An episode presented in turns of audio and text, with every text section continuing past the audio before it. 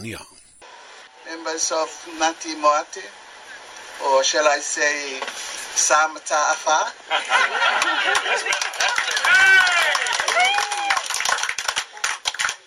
Pastor Tilly, thank you for this uh, show of love and uh, kindness um, and this welcome, and especially I'm very aware, Pa, uh, of the honor that you do me and the family um, in allowing us to meet uh, in the grounds at the Pai of the palace.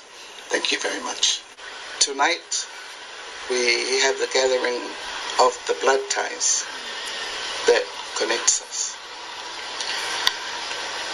Can I thank you for this magnificent uh, gift of land for the Samoan community uh, to have a home here in the Cook Islands. We say in Samoa, lau pulelea. We acknowledge the authority, but also the care that you have for your Samoan family here in the Cook Islands.